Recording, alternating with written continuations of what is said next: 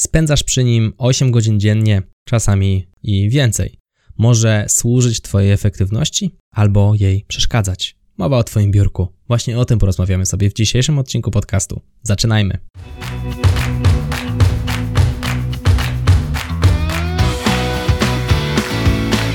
Chcesz przenieść swoją karierę na wyższy poziom? Nieważne, czy pracujesz na etacie, czy jesteś przedsiębiorcą. Świetnie trafiłeś.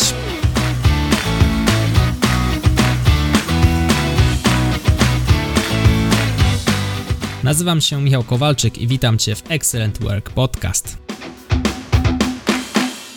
Funkcjonalność, minimalizm, sprzęt, który jest potrzebny na biurku, co powinno być w zasięgu wzroku, ale nie na pierwszym planie i co powinno być poza zasięgiem wzroku, co jeśli pracujesz wieczorem. Właśnie o takich koszykach, o takich grupach porozmawiamy w dzisiejszym odcinku podcastu. Zacznijmy zatem od funkcjonalności. Możesz mieć biurko klasyczne, czyli takie o stałej wysokości. Oczywiście wysokość powinna być dopasowana do Twojego wzrostu, aby wygodnie Ci się pracowało, oczywiście współgrając z krzesłem, albo biurko regulowane. I teraz, jeżeli pracujesz w domu prywatnym, no takie biurko będziesz musiał pewnie sprawić sobie sam. W przypadku pracy w biurze zewnętrznym czy gdzieś na etacie, być może uda Ci się wynegocjować u pracodawcy biurko regulowane, a jeżeli nie, spróbuj wynegocjować chociaż nakładkę. Nakładka to takie coś, co kładziesz na biurku, możesz położyć na tym komputer i możesz albo korbą, albo elektronicznie regulować sobie wysokość tego biurka. Praca na stojąco ma w zasadzie taką jedną główną zaletę. Taką, że ekspresja w czasie spotkań czy w czasie mówienia, jeżeli takie odbywasz, jest lepsza, a po drugie, no, minimalizujesz ryzyko chorób krążenia z racji tego, że jeżeli stoisz, inaczej zachowuje się Twój kręgosłup, inaczej zachowuje się Twój układ krwionośny, niż jeżeli siedzisz przez 8 godzin. A więc taka zmiana pozycji jest wskazana. Możesz też pokusić się o siedzenie na przykład na piłce takiej do pilatesu. To też są praktyki, które widywałem w korporacji. A więc zaczęliśmy od regulowanego biurka. Co na takim biurku znaleźć się powinno? Klawiatura i mysz, siłą rzeczy Dobrze, gdyby była to klawiatura zewnętrzna, niekoniecznie ta laptopowa jest maksymalnie ergonomiczna, także zachęcam do podpięcia sobie zewnętrznej klawiatury i wygodnej myszy.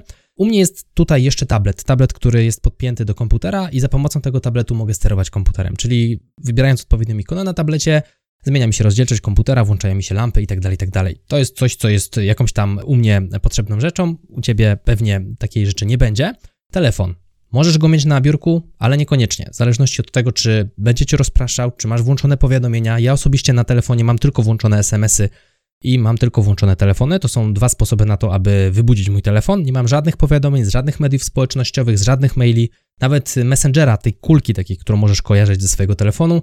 U mnie jej nie ma. Nie da się do mnie dostać w żaden sposób, tylko SMS i telefon. A dzwoni do mnie albo żona albo mama, albo teściowa, więc to są zazwyczaj sprawy jakieś tam potrzebne, wyższej wagi, jeśli mogę tak powiedzieć, wiedzą, że nie można do mnie tak po prostu zadzwonić. A więc jeżeli masz podobnie z telefonem, być może ten telefon może znaleźć się na twoim biurku, jeżeli natomiast non-stop wyskakują ci jakieś powiadomienia, co może cię rozproszyć, odciągnąć od twojej pracy, zachęcam do tego, żeby telefon położyć gdzieś poza zasięgiem wzroku, a najlepiej poza zasięgiem ręki, tak aby wstać do niego, aby coś na nim zrobić. Sama ta czynność odejścia od biurka powoduje, że już rzadziej będziemy po niego sięgali, co spowoduje, że nie będziemy się tak odciągali od pracy, a to pozytywnie wpłynie na naszą efektywność.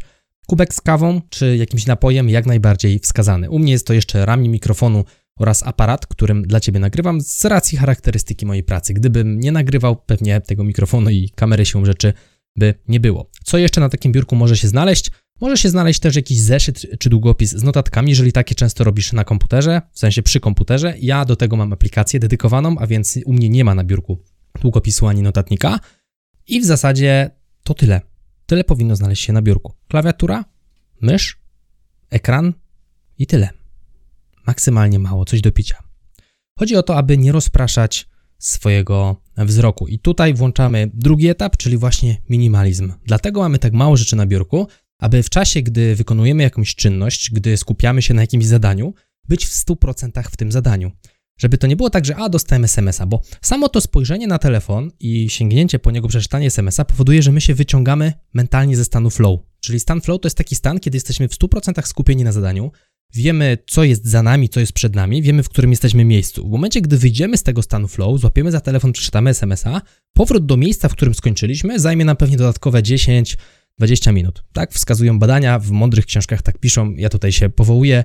Na przykład Wy wszyscy moi ja jest taka pozycja Miłosza Brzezińskiego, w której możecie o tym poczytać więcej. A więc to jest duży problem. Ewentualnie Deep Work Kala Newporta, to też jest fajna książka o pracy głębokiej. Unikajmy takich rozpraszaczy. Jeżeli mamy bardzo dużo rzeczy na biurku, no to być może coś odciągnie naszą uwagę, na coś spojrzymy, na jakąś notatkę, fakturę, coś przeczytamy, coś sobie przypomnimy, co spowoduje odciągnięcie nas od tego głównego nurtu. Jeżeli przemnożymy te odciągnięcia w skali tygodnia czy miesiąca, okazuje się, że na samym przełączaniu się pomiędzy aktywnościami możemy stracić dzień, dwa albo trzy dni pracy w skali miesiąca, co jest bardzo dużą ilością czasu. I takie sytuacje faktycznie mają miejsce. Więc skupiajmy się maksymalnie jak tylko się da na zadaniu i unikajmy zagracania swojego biurka. Bardzo dbajmy o higienę tego, żeby tu było naprawdę mało rzeczy. U mnie jest mało, zresztą słyszałeś, wylistowałem ci to, co na moim biurku się znajduje i naprawdę nie lądują tu żadne papiery, żadne dokumenty, żadne inne rzeczy. Taki stan rzeczy się utrzymuje cały czas. Powiem więcej. Do niedawna, jakieś 2-3 tygodnie temu, miałem na biurku jeszcze stojący komputer, a po drugiej stronie jeszcze trzeci monitor. Odpiąłem trzeci monitor, aby sprawdzić, jak pracuje się z powrotem na dwóch i komputer zrzuciłem pod biurko faktycznie działa to lepiej. Nie mam znowu jakichś tutaj kolejnych rzeczy, biurko jest jeszcze bardziej minimalistyczne i faktycznie pozytywnie wpływa to na to, że się nie rozpraszam, skupiam się tylko na tym, co tutaj się dzieje bezpośrednio na monitorach, bezpośrednio w mojej pracy. Więc jeżeli masz jakieś dziwne, różne rzeczy porozrzucane na biurku, zachęcam do tego, aby spróbować się ich pozbyć. Więcej o tym opowiem już pod sam koniec odcinka, bo mam dla Ciebie w związku z tym odcinkiem pewne zadanie. Co do samego pulpitu, czyli włączając już komputer, Gorąco zachęcam do tego też, żeby nie trzymać na pulpicie 50-100 ikon. No, z małym prawdopodobieństwem korzystasz z wszystkich. U mnie to jest dosłownie może 8 ikonek, z których regularnie korzystam. Mam tapetę, która jest solidnym kolorem, jednym takim wylanym zielonym kolorem. Nie mam tam żadnych rozpraszaczy typu jakichś ładnych drzew, widoków i innych. Po prostu goła tapeta, goły kolor i maksymalnie mało ikon. Te ikony, z których regularnie korzystam, to jest znowu element ten sam co wcześniej. Jeżeli mamy, brzydko mówiąc, syf na biurku, i syf na pulpicie, no jest dużo elementów, które mogą nam o czymś przypomnieć, co wyciągnie nas ze stanu flow. Co do samego sprzętu, rozważ drugi monitor. Jeżeli pracujesz tylko na jednym, zobacz jak pracowałoby ci się na dwóch. Pracując w biurze zewnętrznym, możesz porozmawiać z przełożonym, być może ktoś się zwalnia i zwalnia mu się też dzięki temu monitor. W moim przypadku, w każdej roli, którą pełniłem w korporacji, dało się taki drugi monitor załatwić i to wcale nie było coś, co było jakiegoś trudnego czy karkołomnego.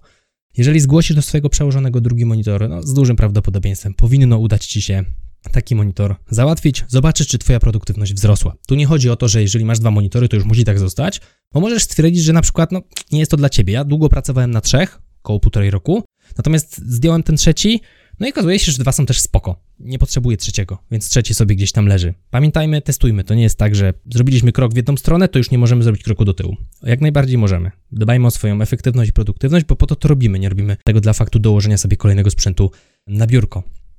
Co powinno znajdować się w zasięgu wzroku, ale nie na pierwszym planie. Czyli nie w obrębie tutaj biurka. Być może masz jakąś zastawkę za biurkiem. Ja za biurkiem po prawej stronie mam półkę. Na tej półce widzę różne rzeczy, po lewej stronie też mam półkę dość daleko, to jest jakieś 2-3 metry, ale majaczą mi te rzeczy w tle.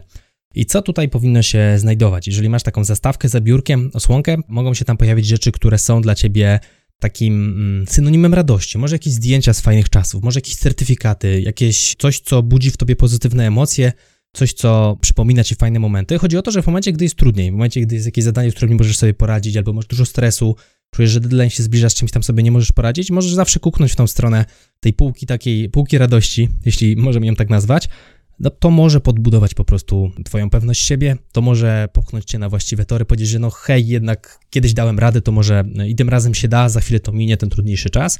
A więc to jest taki element bardziej miękki, jeżeli chodzi o setup biurka, natomiast dobrze, żeby gdzieś w tle był. I wartości. Brzmi znowu to górnolotnie, bo wartości, misje, wizje to kojarzą nam się raczej z organizacjami, natomiast gorąco zachęcam do tego, żeby sobie taką misję spróbować sprecyzować, wytyczyć swoje wartości.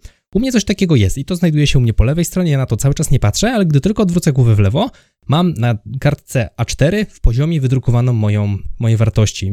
Moją taką główną wartością, główną misją, celem w życiu jest to, aby wartościowa praca była wykonywana maksymalnie efektywnie, dając wolność mnie i ludziom wokół mnie.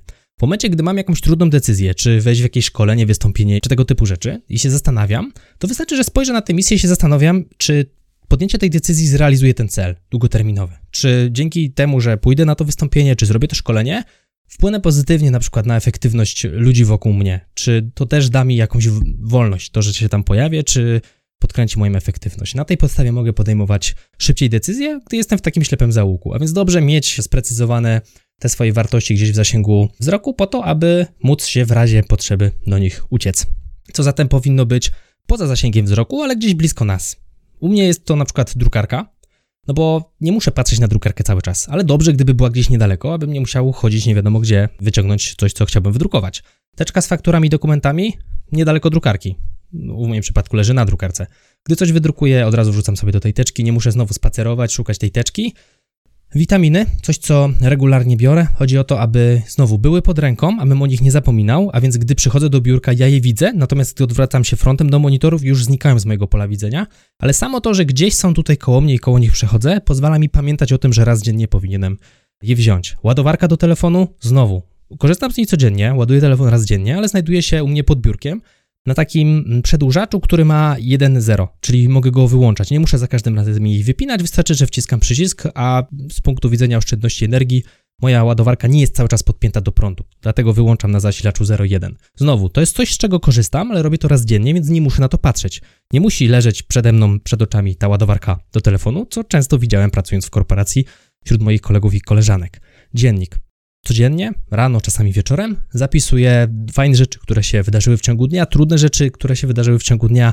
To jest takie miejsce, gdzie jestem sam ze sobą szczery, wyrzucam tam swoje przemyślenia, piszę za co jestem wdzięczny i robię to również raz dziennie. W związku z tym ten dziennik dobrze, aby był znowu w zasięgu ręki, zaraz obok witamin, abym go widział, pamiętał o tym, no ale z drugiej strony nie muszę na niego patrzeć cały czas, a więc chowam go gdzieś poza widokiem pierwszoplanowym, ale jest tutaj u mnie po prawej na szafeczce, której na co dzień nie widzę, w sensie pracując, patrząc się w e, kierunku monitorów. Butelka z wodą znajduje się pod biurkiem, również nie muszę na nią patrzeć, ale jest w zasięgu ręki. No i podobnie kosz na śmieci. No, widok kosza na śmieci, czasami kosz na śmieci to trochę to, co znajduje się na blacie u niektórych niestety, Dlatego zachęcam do tego, żeby jednak trzymać porządek. No i kosz na śmieci nie jest czymś motywującym. Raczej jest to pewien nieład. Bardzo czasami brzydkie rzeczy się tam w nim znajdują, jakieś zniszczone, potargane. Nie u wszystkich budzi to dodatkową chęć do pracy i podkręca efektywność. Jeżeli pracujesz nocami, pamiętaj, aby mieć gdzieś w zasięgu ręki przygotowany albo Blue Blocker, czyli takie okulary, ja korzystam z All Eye, to są takie bardzo pomarańczowe okulary. Zachęcam do zakładania już około 20, 20, 21. Jeżeli kładziecie się około 23, 24 i musicie pracować wieczorem, świetnie to działa. Fenomenalnie. Po prostu w momencie, gdy zakładam te okulary, dużo szybciej chce mi się spać, niż gdy pracuję bez nich. A gdy dużo szybciej chce mi się spać, no to znaczy, że łatwiej mi jest potem zasnąć. Jeżeli pracowałbym na komputerze do 23 bez tych okularów i chciał się położyć 23.15, byłoby to bardzo trudne i niejednokrotnie zasypianie zajmowało mi godzinę. To się wiąże z układem hormonalnym. Zostawmy to na boku, to nie jest podcast biologiczno-chemiczny. Natomiast pamiętajmy o tym, żeby o tych blue blockerach pamiętać. Jeżeli nie okulary, to aplikacja f.lux. Nie działa to tak perfekcyjnie jak okulary, ale zdecydowanie pomaga. f.lux pozwala zmienić ilość światła niebieskiego, którą emituje urządzenie, czy to telefon, czy to komputer. Ułatwia faktycznie zasypianie, ale nie działa aż tak dobrze jak okulary. Okulary w mojej ocenie są fenomenalne, korzystam z jednego i drugiego, no i bardzo dobrze się sprawdza. Jeżeli chcesz dowiedzieć się więcej o sprzątaniu czy swojego biurka, czy przestrzeni na pulpicie, czy samej struktury plików, zachęcam do posłuchania odcinka 49 o tytule Jak utrzymać porządek w plikach, zadaniach i życiu. Myślę, że ten odcinek pogłębi temat tego, jak utrzymać porządek. A call to action, czyli zawołanie do działania po tym odcinku podcastu, to jest następujące. Masz duże rzeczy na biurku, albo gdzieś pod nim, za nim, w okolicy, u mnie chłopaki z Masterminda, Mastermind to taka piątka ludzi, z którymi regularnie się spotykam co piątek, rozmawiamy o swoich problemach, zaproponowali mi właśnie to zrzucenie monitora, pozbycie się mm, komputera z biurka, pozbycie się w ogóle rzeczy, które tutaj miałem. Nie było ich dużo, ale były.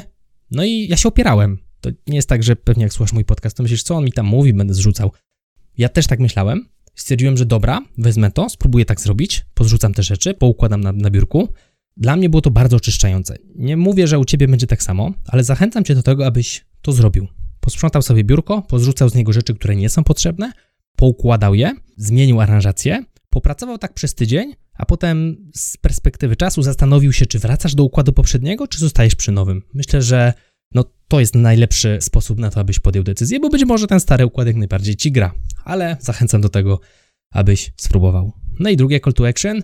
Trwają zapisy, premierowe zapisy do kursu SQL od podstaw.